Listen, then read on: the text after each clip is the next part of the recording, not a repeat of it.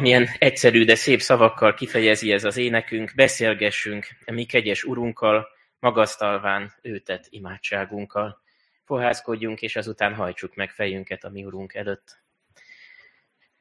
A mi segítségünk az Úrtól van, aki Atya, Fiú, Szentlélek, teljes szent háromság, egy örök és igaz Isten. Amen.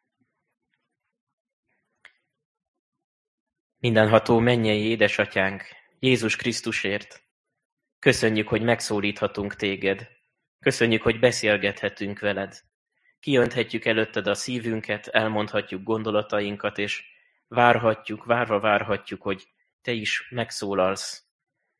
Megszólítod a mi szívünket, megszólítod a mi legbelsőbb kívánságainkat, gondolatainkat is, amikor nagyon jól ismered, hogy mi van bennünk, és olyan jóságos vagy, hogy, hogy szólsz is hozzánk. Köszönjük, hogy ez az Isten tisztelet is ennek lehet az alkalma. Hogy te nem csak az életünkről gondoskodsz, hogy lehet fedél a fejünk fölött, lehet mit enni, ruházkodni, hanem te a lelki egészségünkről, lelki táplálékunkról is gondoskodsz. Köszönjük, hogy a kezünkben lehet a Biblia.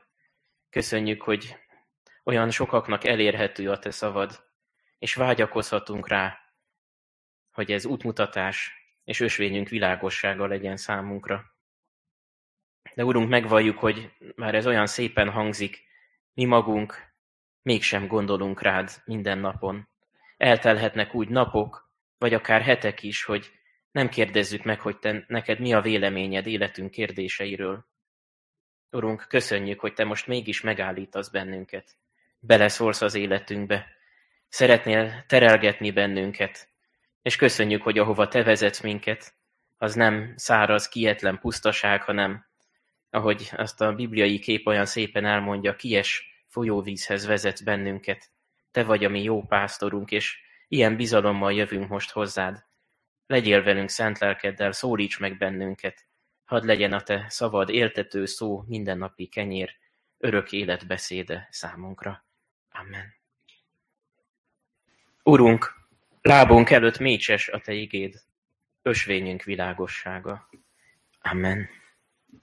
Hallgassuk meg, testvéreim, a mi Urunk Istenünk igéjét, ahogyan szól hozzánk Sámuel első könyvének 24. fejezetéből, református bibliaolvasó kalauz mai napra kijelölt ószövetségi szakaszából, és Isten szent lelkét segítségül hívva, ez alapján, az ige alapján magyarázom közöttetek Isten igéjét. Így szól hozzánk az Úr ezen a helyen. Ezután elvonult onnan Dávid, és Éngedi sziklavárában tartózkodott. Amikor visszatért Saul a filiszteusok üldözéséből, jelentették neki, hogy Dávid Éngedi pusztájában van. Maga mellé vett Saul egész Izraelból háromezer válogatott embert, és elment, hogy megkeresse Dávidot és embereit az ergeszikláknál. Amikor az út menti juh aklokhoz ért, volt ott egy barlang. Saul bement oda, hogy a szükségét elvégezze. Dávid pedig embereivel együtt éppen a barlag legmélyén tartózkodott. Akkor az emberei ezt mondták Dávidnak. Nézd, ez az a nap, amelyről azt mondta neked az úr, hogy kezedbe adja ellenségedet. Tégy vele, amit jónak látsz. Erre fölkelt Dávid, és lopva levágta Saul köpenyének a sarkát. Dávid azonban, Dávidnak azonban megesett rajta a szíve, miután levágta Saul köpenyének a sarkát, és ezt mondta embereinek. Mentsen meg az úr attól, hogy ilyen dolgot kövessek el az én uram az úr fölkentje ellen, és kezet emeljek rá, hiszen az úr fölkentje ő. Így fékezte meg Dávid az embereit, és nem engedte, hogy Saulra támadjanak. Saul pedig kiment a barlangból, és útjára indult. Ezután Dávid is fölkelt, kiment a barlangból, és Saul után kiáltott. Uram, királyom! Saul ekkor hátra tekintett, Dávid pedig arccal a földig hajolt, és leborult előtte. Akkor ezt mondta Dávid Saulnak. Miért hallgatsz olyanok szavára, akik azt állítják, hogy Dávid a vesztedre tör? Hiszen most a saját szemeddel láthattad, hogy kezembe adott az úr a barlangban. Mondták is, hogy öljelek meg, de én megszántalak, és ezt mondtam, nem emelek kezet az én uramra, mert az úr fölkentje ő. Nézd csak, atyám, itt van a köpenyed sarka a kezemben. Amikor levágtam a köpenyed sarkát, nem gyilkoltalak meg. Értsd meg ebből, és lásd be, hogy nem akarok semmi rosszat vagy hűtlenséget elkövetni ellened, és nem védkeztem ellened, bár te a vesztemre törsz, hogy elvedd az életemet. Az Úr tegyen igazságot köztünk. Az Úr álljon értem bosszút rajtad, de én nem emelek rád kezet. Ahogy az ősi példabeszéd mondja, gonoszoktól ered a gonoszság, nem emelek hát rá kezet rád. Ki ellen vonult ki Izrael királya? Kit üldözöl? Egy döglött kutyát, vagy egy árva hát? Legyen azért az Úr a bíró, és tegyen igazságot közöttünk. Vizsgálja meg, és perelje peremet, és szolgáltasson nekem igazságot veled szemben. Miután Dávid mindezeket elmondta Saulnak, megkérdezte Saul. A te hangod ez, Dávid fiam? És Saul hangosan sírni kezdett. Azután ezt mondta Dávidnak. Te igazabb vagy nálam, mert te jól bántál velem, bár én rosszul bántam veled. Te most tudtomra adtad, milyen jót tettél velem. Az úr a kezedbe adott, és mégsem öltél meg. Ha valaki rátalál ellenségére, sértetlenül bocsátja-e útjára? Jóval fizessen neked az úr azért, amit ma tettél velem. Mert magam is tudom, hogy te biztosan király leszel, és te teszed majd Izrael királyságát maradandóvá. Esküdj meg most az Úrra, hogyha meghalok, nem írtod ki utódaimat, és nem törlöd ki nevemet a nemzetségemből. Dávid megesküdött Saulnak. Saul akkor hazament, Dávid pedig embereivel együtt fölment a sziklavárba. A hetedik verset emelem ki ebből a hosszabb igészakaszból, mely így hangzik. Dávid ezt mondta embereinek, mentsen meg az Úr attól, hogy ilyen dolgot kövessek el az én Uram, az Úr fölkentje ellen, és kezet emeljek ellene, hiszen az Úr fölkentje ő. Bizonytalanság, félelem, üldöztetés és háború. Olyan tapasztalatok ezek, amelyekkel Dávid itt napi szinten testközelből találkozott. Néhány héttel ezelőtt sokunk számára talán távolinak és ismeretlennek tűntek volna ezek a fogalmak, de napjainkban egyre többen vannak, akik Dávidhoz hasonlóan ugyanúgy a saját bőrükön tapasztalják meg a háborúságot. Lehet, hogy ismerünk is olyanokat, akik ezt megélték. Ebben a félelemmel feszült helyzetben és szorult helyzetben fogalmazta meg Dávid az 54. Zsoltárt. Tudta, hogy Saul, Izrael királya már egészen a sarkában van, már-már meg fogja ölni őt, és ebben a szorult helyzetben így kiáltott Dávid Istenhez. Istenem, segíts meg neveddel, szolgáltass nekem igazságot hatalmaddal. Istenem, hallgass meg imádságomat, figyelj beszédemre. Mert idegenek támadtak rám, erőszakos emberek törtek életemre, akik nem törődnek Istennel. De Isten megsegít engem, az Úr megtartja életemet. Ha csak az elkövetkező napok nemzeti ünnepére gondolunk, akkor is eszünkbe juthat ez a szomjas kiáltás az igazságért, amikor az emberek szeretnének igazságot a népüknek, a társadalmuknak, és eszünkbe juthatnak a mai nehéz napok is, amikor olyan sokan igazságért kiáltanak. Saul halálra kereste Dávidot, mert féltette tőle a királyságát.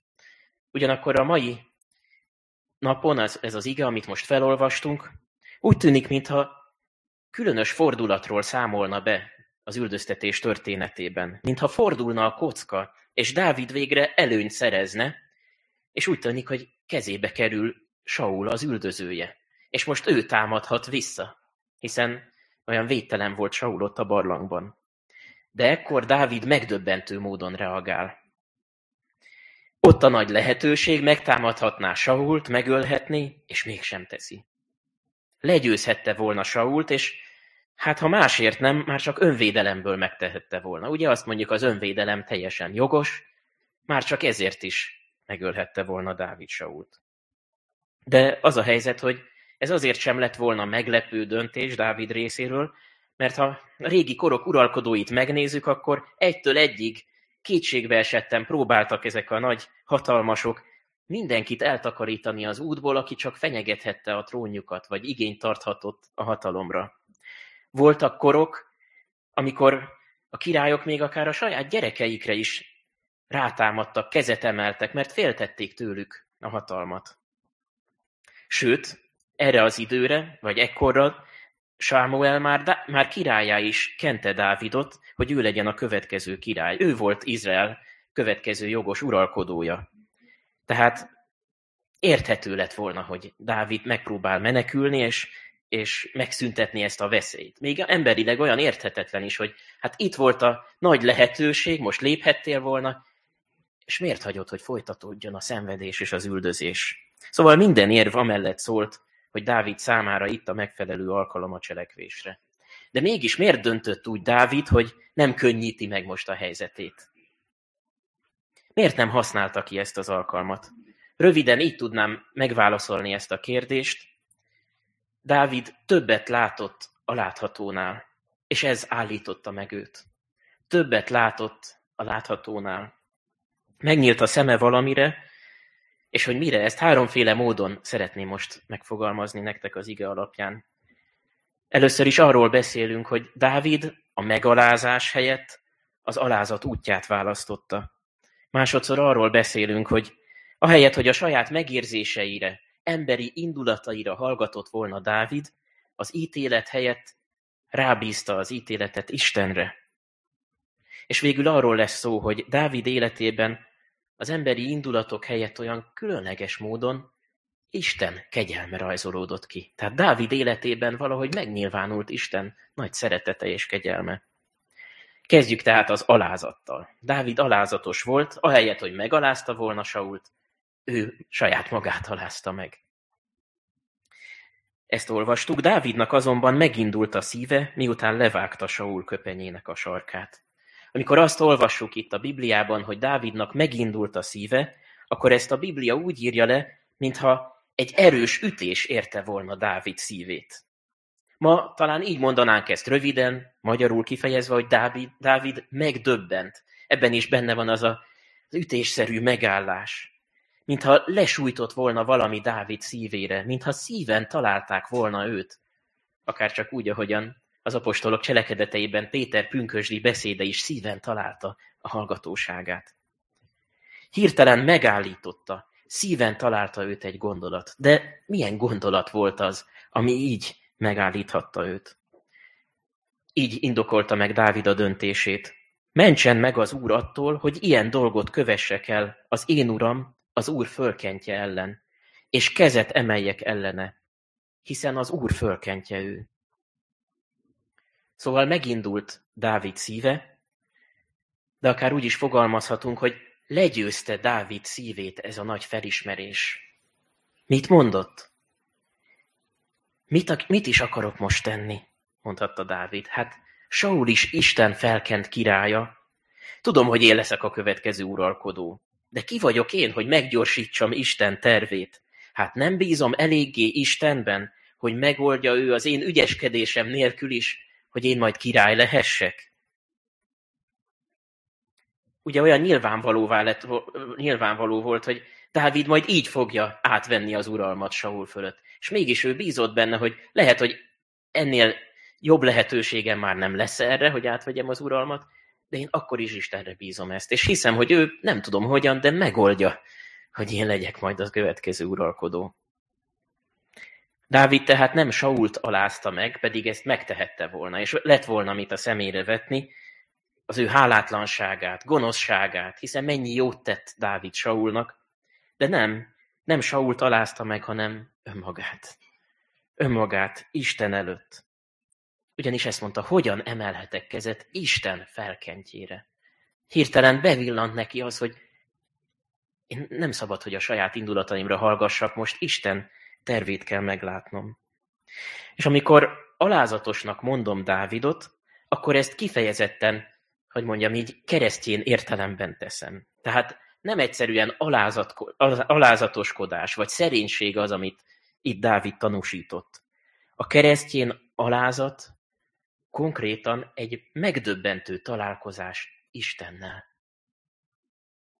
Amikor meglátom Isten nagyságát, hatalmát, az ő bölcsességét és jó tervét, és annak fényében meglátom az én törékenységemet, ügyetlenségemet, hogy megpróbáltam én ügyeskedni, okoskodni, próbálkozni.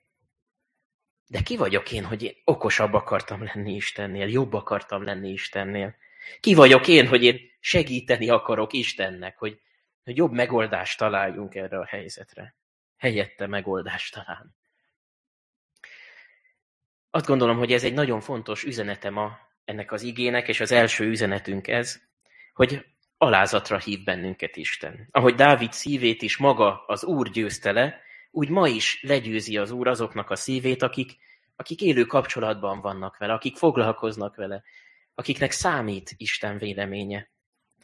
És ha ma valamilyen aggodalom van a szívedben, egy legyőzhetetlennek gondolt akadály, egy megmászhatatlan hegy, egy határidő, amit lehetetlen megtartani, egy teljesíthetetlen feladat, akkor állj meg egy pillanatra, és te sem, te se cselekedj elhamarkodottan, ahogy Dávid. Ne akarj okosabb és ügyesebb lenni Istennél. Hidd el, hogy a te megoldásod nem jobb, mint Istené. És még hadd mondjam el azt, hogy a keresztjén alázatra nem lehet csak úgy törekedni. Nem úgy működik ez, hogy én eldöntöm, hogy mostantól alázatos leszek. A keresztjén alázat egy következmény. Következménye annak, hogy találkoztál Istennel, és felismered, hogy ő mennyire más, mint amilyen te vagy. Hogy meglátod a hétköznapi események mögött Isten jó tervét, jó akaratát. Ez az első gondolatunk, az alázat. A második pedig az ítéletről szól. Mert Dávid az ítélet, az önbíráskodás helyett Istenre bízta az ítéletét. Ezt mondta Dávid, legyen azért az Úr a bíró, és tegyen igazságot köztünk. Vizsgálja meg, és perelje peremet, és szolgáltasson nekem igazságot veled szemben. Amikor Dávidot szíven találta ez az Istentől kapott felismerés, akkor megalázta magát, ahogy mondtuk, nem akart a tettek mezejére lépni és önfejűen cselekedni, nem akart önbíráskodni. Ezzel tulajdonképpen átadta az ítélet jogát Istennek. Nem mintha elvehette volna Istentől az ítélet jogát, de elismerte ott Isten előtt is, hogy Istennek joga van igazságot tenni, és neki van csak joga. Pedig a környezetében nem egy ember bíztatta arra, hogy vegyen elégtételt Saulon. Ezt mondták az emberei Dávidnak, nézd, ez az a nap, amelyről azt mondta neked az Úr, hogy kezedbe adja ellenségedet. Tégy vele, amit jónak látsz. Tehát emberileg teljesen jogosnak tűnt volna, hogy most itt az idő a cselekvésre. Még maga Istenre is le, magára Istenre is lehet hivatkozni, hogy ezt Isten adta neked ezt az alkalmat. Ó, de milyen hosszú előadásokat lehetne tartani arról, hogy miért lenne jogos egyik vagy másik ember felett az ítélet. Hogy miért jogos akár most is a háború. Hányan próbálják megvédeni egyik vagy másik nagy hatalmat. De a hétköznapi életben is így van ez. Így állunk az ítélethez. Hányan megindokolják a személyes bosszújukat, amivel elégtételt vehetnek másokon. Szeretetlen volt a másik. Kegyetlen volt velem, gonosz volt velem, hát nincs jogom visszavágni. Így mondjuk, persze nem a bosszú szót használjuk, de egy kicsit megléc, me, megleckéztetem. Nehogy aztán mással szemben is ilyen gonoszságot kövessen el, mint amilyet velem tett. Még több embernek ártani fog. De ha még ezt sem mondjuk, akkor csak annyit, hogy egy fricskára azért néha szükség van, hogy a másik végre tanuljon valamit az életben. Hányszor van ilyen indulat a szívünkben? És nem egyszer történik meg az is, hogy mi is Istenre hivatkozunk ezekben a helyzetekben, ahogyan Dávid barátai is volták. E, mondták, hogy ez az a nap, amikor kezedbe adja az Úr az ellenségedet. Velem is megtörtént már, hogy belemagyaráztam Isten akaratát az aktuális élethelyzetembe. Történt egy találkozás valakivel, adódott egy lehetőség, és már is megérteni véltem, hogy ezzel biztos Istennek van terve. De tényleg arról van szó, hogy pusztán azért, mert jókor vagyunk jó helyen, rögtön cselekedni kell, nem szabad gondolkodni? Hallgassunk az első megérzésünkre? Használjuk ki az alkalmat? az a helyzet, hogy semmi ígéretünk nincs arra nézve, hogy az első megérzésünk helyes. Ezt nagyon sokan szeretik így mondani, hogy hát ne roncsd el az első megérzésedet. Ha hallgattál volna rá, akkor nem gondolkodtál volna ennyit, és biztos jobban jártál volna el. De semmi ígéretünk nincs arra nézve, hogy jól fogunk ítélni, hogyha az első megérzésünkre hallgatunk. Vagy sokan így mondják, hogy hallgass csak a szívedre. De ez miért lenne helyes? Azt kell mondanom, hogy ez halálosan kegyetlen tanács, hogy hallgass a szívedre. Mert nagyon sokan hallgattak a szívükre, és ez rombo döntötte az életüket. Ez egy kegyetlen tanács volt mások részéről. Hadd mondjam most ilyen bátran, hogy ne hallgass a szívedre. Helyette ülj le, és vidd oda imádságban az ügyedet Isten elé.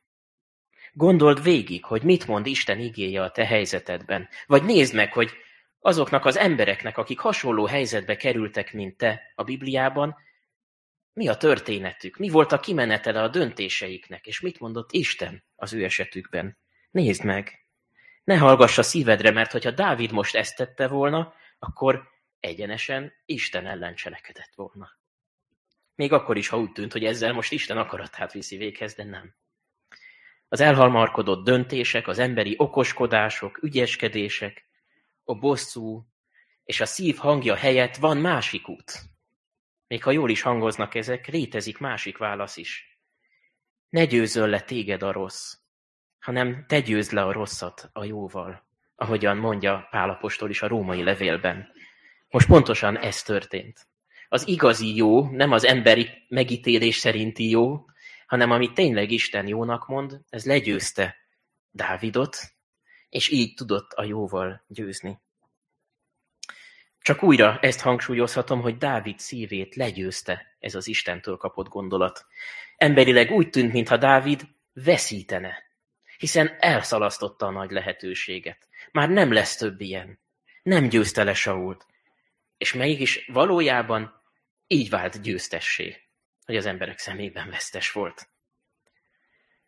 Bízd rá te is az ítéletet Istenre, nem arról beszélek most, hogy ne mondjunk egyáltalán kritikát az életben, vagy ne vizsgáljuk meg életünk dolgait, hogy ne emeljünk szót a hazugságok, a hamis ítéletek ellen, ne, ne emeljünk szót az igazságtalanság ellen. Nem, sőt, éppen arról van szó, hogy mondjunk Isten szerinti ítéletet, mert Dávid is ítéletet mondott, csak Isten szerinti ítéletet. És ez a kimondott döntés Dávid részéről most a kegyelem hangja volt, hogy nem bántom Isten felkentjét, mert én a nagyobb tervre nézek, Isten tervére, és Istennek szeretnék inkább engedelmeskedni, mint embereknek. Jól választott Dávid, amikor felismerte, hogy itt Isten kegyelmét kell megmutatni a Saulnak.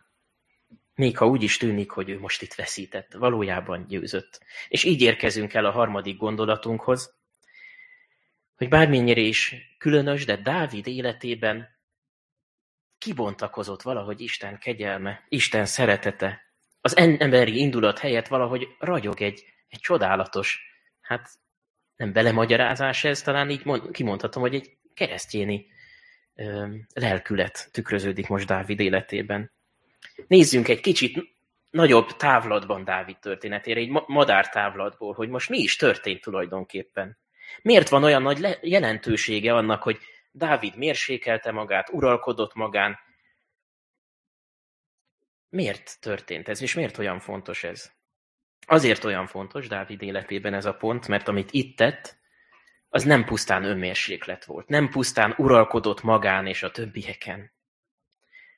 Ahogy mondtuk, Isten győzte le Dávidot. Több történt itt. És talán így érthető is, hogy most a mai napon én nem is Dávidot állítom példaként elétek. Nem Dávid a példa itt. Dávid története éppen annak a súlyos igazságnak az élő példája, hogy az ember indulatai mennyire fékezhetetlenek, az ember gonoszsága megállíthatatlan. Azt hiszem nem kell ezt a mai napokban magyarázni. De ha Dávid életét nézzük, akkor is gondoljunk arra, hogy ez a mértékletes király, aki ilyen bölcs döntéseket hoz, milyen gonosz módon rabolta el Uriástól a feleségét, Uriást pedig megölette. Jó példa Dávid? Nem. Amire ma rá kell csodálkoznunk, hogy nem Dávid a példa, hanem Dávid emberi életében is megmutatkozott Isten kegyelme, de azért, mert Isten legyőzte őt, és beleszólt az életébe. Milyen kegyelmes Isten, hogy megállította Dávidot, és milyen kegyelmes, hogy minket is így meg tud állítani. Amikor így szíven tud találni, meg tud döbbenteni bennünket, vagy akár lenyűgöz minket az, hogy megláttuk, kinyílt a szemünk, és megláttuk Isten nagy tervét. Megláttuk Isten jó akaratát. Ahogy Dávid is meglátta is, Saulban Isten felkentjét, de nem csak ennyit, hanem azt, hogy az én életemre nézve is jó terve van. Nem én ítélek, nem az indulataimra hallgatok. Jó terve van Istennek, és tőle várom az igazságtételt. Nem akar Dávid önmagán segíteni, hanem inkább várt, még ha ez ellene is mondott a józanésznek. És mi a végeredmény? Mi az, ami kibontakozott Dávid életében? Egy csodálatos hozzáállás, ezt eddig alázatnak neveztük, de ez a hozzáállás még az erőszaknál is sokkal többet üzent Saulnak. Joggal fejezte ki így az addigi király Saul a megdöbbenését. Te igazabb vagy nálam, mert te jól bántál velem, bár én rosszul bántam veled. Milyen egyszerű kifejezése ez a kegyelemnek. Te rosszul bántál velem, én rosszul bántam veled, te mégis jól bántál velem. Azt kell mondanom most, hogy nem Dávid érdeme, nem az ő jóságát bizonyítja ez a történet. Nem Dávid érdeme, de ő ebben a helyzetben tulajdonképpen nem tekintette zsákmánynak, hogy ő Isten felkentje, hanem engedelmeskedett Istennek. Jövendőbeli királyként még Saul előtt is mert szolgává lenni, pedig Saul üldözte őt. Nem tekintette zsákmánynak, hogy ő Isten felkentje, hanem engedelmeskedett. Látjuk, milyen ismerős kép rajzolódik ki előttünk Dávid alakjában? Valaki olyanról van szó, aki Dávidhoz hasonlóan úgy győzött, hogy emberileg szólva legyőzték őt. Mintha veszített volna. Mindenki azt hitte, hogy őt legyőzték, hogy ő veszített, és közben így vitte véghez Isten akaratát. Így győzött. Az az indulat legyen bennetek, ami Krisztus Jézusban is megvolt. Mert ő Isten formájában lévén nem tekintette zsákmánynak, hogy egyenlő Istennel, hanem megüresítette önmagát. Szolgai formát vett fel. Emberekhez hasonlóvá lett, és magatartásában is embernek bizonyult, megalázta magát, és engedelmeskedett, mint halálig, mégpedig a kereszt halálig. Ezért fel is magasztalta őt Isten mindenek fölé, és azt a nevet adományozta neki, amely minden névnél nagyobb, hogy Jézus nevére minden térd meghajoljon, mennyieké, földieké és föld alattiaké, és minden nyelv vallja, hogy Jézus Krisztus Úr az Atya Isten dicsőségére.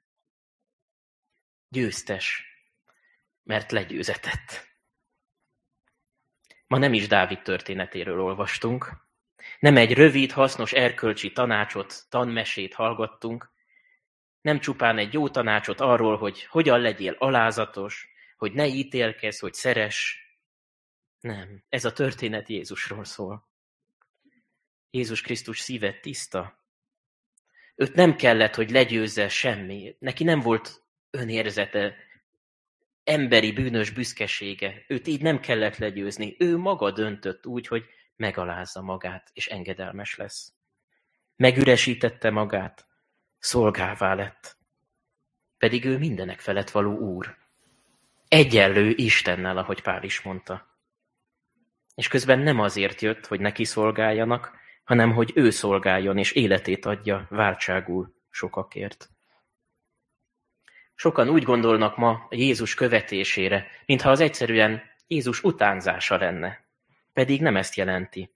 Nem arról van szó, hogy mostantól én is elhatározom, hogy hát én is olyan alázatos, én is olyan szolgálatkész leszek, mint Jézus.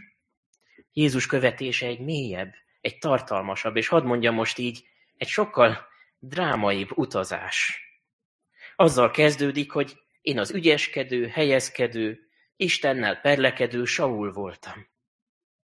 Nem Dávid, Saul voltam én, és Jézus lépett oda Dávidként hozzám. Megkegyelmezett nekem. És valójában nem is Dávid, hanem Jézus az a felkent király, akinek joga lenne elpusztítani mindenkit, aki rátámad, aki ellene fordul. Mondhatta volna Jézus, hogy nekem jogom van hozzá, hogy ne kegyelmezzek meg neked. Hiszen én vagyok a felkent, én vagyok az örökös. Én vagyok az elsőszülött fiú. A többiek idegenek, Istentől eltávolodtak, hálátlanok, tékozló fiúk. Nem kérnek az atyai házból. Én ezt mondhatta volna. És ő mégis megkegyelmezett nekem. Semmivel nem érdemeltem ki, ő mégis nekem szolgált. És így lépett oda Jézus az új szövetségi Saulhoz is, ahogy Dávid az ószövetségi Saulhoz, amikor megkérdezte tőle, hogy Saul, Saul, miért üldözöl engem? Nehéz neked az ösztöke ellen rugódoznod. Ezzel a kegyelemmel találkozott az új szövetségi Pál is, vagyis Saul. Az önmagát megüresítő Krisztus számunkra az életünk alapja. Keresztjének Jézus követők, hívők számára az élet alapja. Mert ő nem csak példa, hanem megváltó, szabadító is. És hogyha Jézusban hiszek, akkor ez egy nagyon mély megértést is jelent egyúttal. Mert megértem, hogy az Úr Jézus nem csak, hogy emberi lett, közösséget vállalt velem, megismerte az én szenvedéseimet, ez óriási örömhír. De nem csak, hogy alázatos volt, hanem ezzel az alázatával megragadott engem is. Kezébe vette az én önző szívemet is, és az én életemet is a feje tetejére állította. Isten elé állította. Megítélte. És azután az ő igazságával elfette. Elrejtette, megtisztította, hogy gyógyító jelenlétével meggyógyítsa. Megkegyelmezett nekem, igazságát, tisztaságát, szentségét nekem ajándékozta. Azért, hogy azután az én szívemet is megtöltse alázattal és irgalmassággal. Hogy egyszer majd én is tisztán, fehér ruhában állhassak meg az Úr ítéző széke előtt, és Jézusért igaznak nyilvánítsanak engem is. Értjük, hogy ez sokkal több, mint pusztán egy utánzás, mint egy próbálkozás arra, hogy na, próbáljak meg alázatos lenni. Ez egy mély kapcsolat. Mi a meg, önmagát megüresítő Jézussal vagyunk közösségben. Kicsoda olyan Isten, mint te, aki megbocsátja a bűnt és elengedi népe maradékának büntetését. Nem tartja meg haragját örökké, mert abban telik kedve, hogy kegyelmet ad.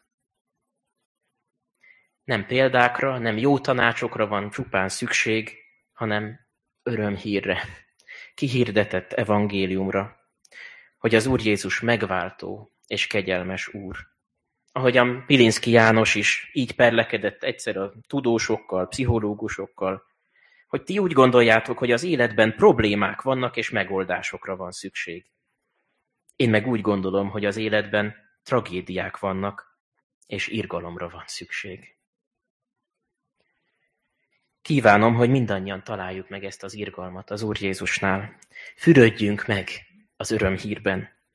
Ne elégedjünk meg jó tanácsokkal az életben, hanem halljuk meg, értsük meg az örömhírt, a jó hírt, hogy Jézus megváltó, hogy szabad lehetsz és kegyelemben élhetsz. Hadd foglaljam össze a mai igénk üzenetét, vagy pontosabban hadd foglalja össze Péter a második levelében található idézettel. Mert kegyelem az, ha valaki Istenre néző lelkiismerettel tűr el sérelmeket, amikor igazságtalanul szenved. De milyen dicsőség az, ha kitartóan tűritek a hibáitok miatt kapott verést. Ellenben, ha kitartóan cselekszitek a jót, és tűritek érte a szenvedést, az kedves Isten szemében. Hiszen erre hivattatok el, mivel Krisztus is szenvedett, értetek, és példát hagyott rátok, hogy az ő nyomdokait kövessétek. Ő nem tett bűnt. Álnokság sem hagyta el a száját, amikor gyalázták. A- amikor gyalázták, nem viszonozta a gyalázást. Amikor szenvedett, nem fenyegetőzött, hanem rábízta ezt arra, aki igazságosan ítél. Még az Úr Jézus is az ítéletet átadta. Bűneinket maga vitte fel a testében a fára, hogy miután meghaltunk a bűnöknek, az igazságnak éljünk. Az ő sebei által gyógyultatok meg. Amen.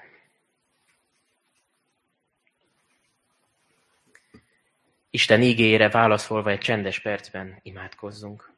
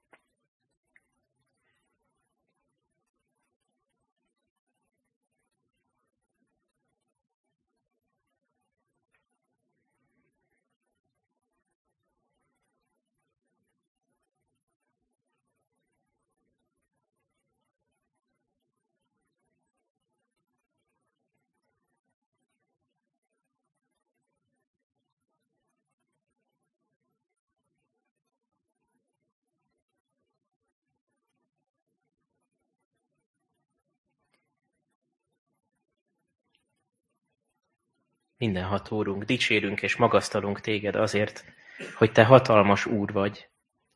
Meg tudod állítani a mi szívünket, sőt, le tudod győzni a mi szívünket, és meg tudod tölteni a te gondolataiddal, megújító kegyelmeddel.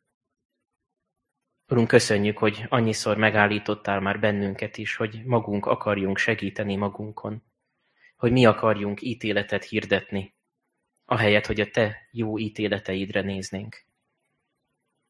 A saját mércénk szerint gondolkodunk, és közben a te mércédre kellene hagyatkoznunk. Köszönjük, Urunk, hogy Dávid történetében most, Úr Jézus, a te alakod rajzolódott ki. Aki nem tekintetted zsákmánynak, hogy egyenlő vagy Istennel, hanem megüresítetted magad, és szolgává lettél értünk. Szeretnénk így látni téged, a királyt, aki szolgává lett, és, és, és mégis azután uralkodik. Az értünk megöletett bárány, aki győztél, és Júda oroszlánja vagy. Győztes úr, akit ma is megszólíthatunk, hiszen feltámadtál, élsz, és ma is képes vagy átformálni a mi életünket, hogy a mi gondolataink a te gondolataidra formálódhassanak át hogy képesek legyünk megítélni, mi a te akaratod. Élő Isten tiszteletként neked szánhassuk az életünket. Urunk, látod, hogy sokszor háborúság van. Most körülöttünk, de bennünk is. És arra van szükségünk, hogy te csendesítsd el a mi lelkünket, hogy terelgesd a gondolatainkat te szerinted való irányba és adj nekünk alázatot, amikor felismerjük, hogy te milyen hatalmas vagy, és mi pedig milyen kicsinyek vagyunk. Köszönjük, hogy így lehetünk bátrak, így lehetünk erősek, így lehetünk győztesek, amikor kicsik vagyunk. Hiszen te emelsz föl bennünket, tartasz a karjaidban, kezedben, és, és átviszel bennünket a halálból az életbe. Köszönjük, Urunk, a hívők közösségét, hogy most is itt lehetünk. Hogy mindannyian úgy lehetünk itt, mint megigazított bűnösök. Nem jó emberek, nem példaképek, hanem annak a példái, hogy te csodálatosan munkálkodtál a mi életünkben is. Jó így megkegyelmezetként együtt lenni, hálát adni. És kérünk, adj te tőled kapott lelkületet akkor is nekünk, amikor itt a közösségünkben forgolódunk, te áld meg a Biblia köreinket, házi csoportjainkat, kicsiket és nagyokat, fiatalokat és időseket egyaránt. Te vigasztald azokat, akik betegséggel küzdenek, vagy egyenesen a halál árnyékának völgyében kell, hogy járjanak. Te adj vigasztalást, az élet szavát, a gyászterhét hordozóknak is. Urunk, és kérünk azért a nehéz helyzetért, ami most a világban dúl. Te adj békességet, mert te nem úgy adod, ahogy a világ adja.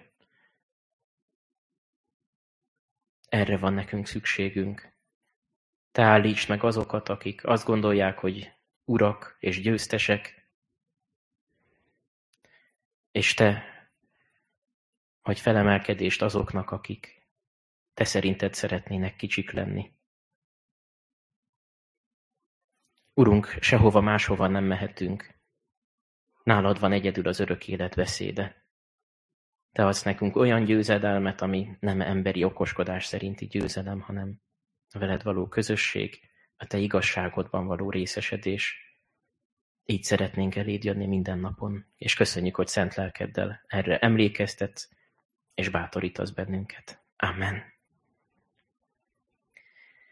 Fennállva mondjuk el az Úr Jézustól tanult imádságot. Mi atyánk, aki a mennyekben vagy, szenteltessék meg a te neved. Jöjjön el a te országod, legyen meg a te akaratod, amint a mennyben, úgy a földön is. Mindennapi kenyerünket add meg nekünk ma, és bocsásd meg védkeinket, miképpen mi is megbocsátunk az ellenünk védkezőknek és ne vigy minket kísértésbe, de szabadíts meg a gonosztól, mert tiéd az ország, a hatalom és a dicsőség, mindörökké. Amen.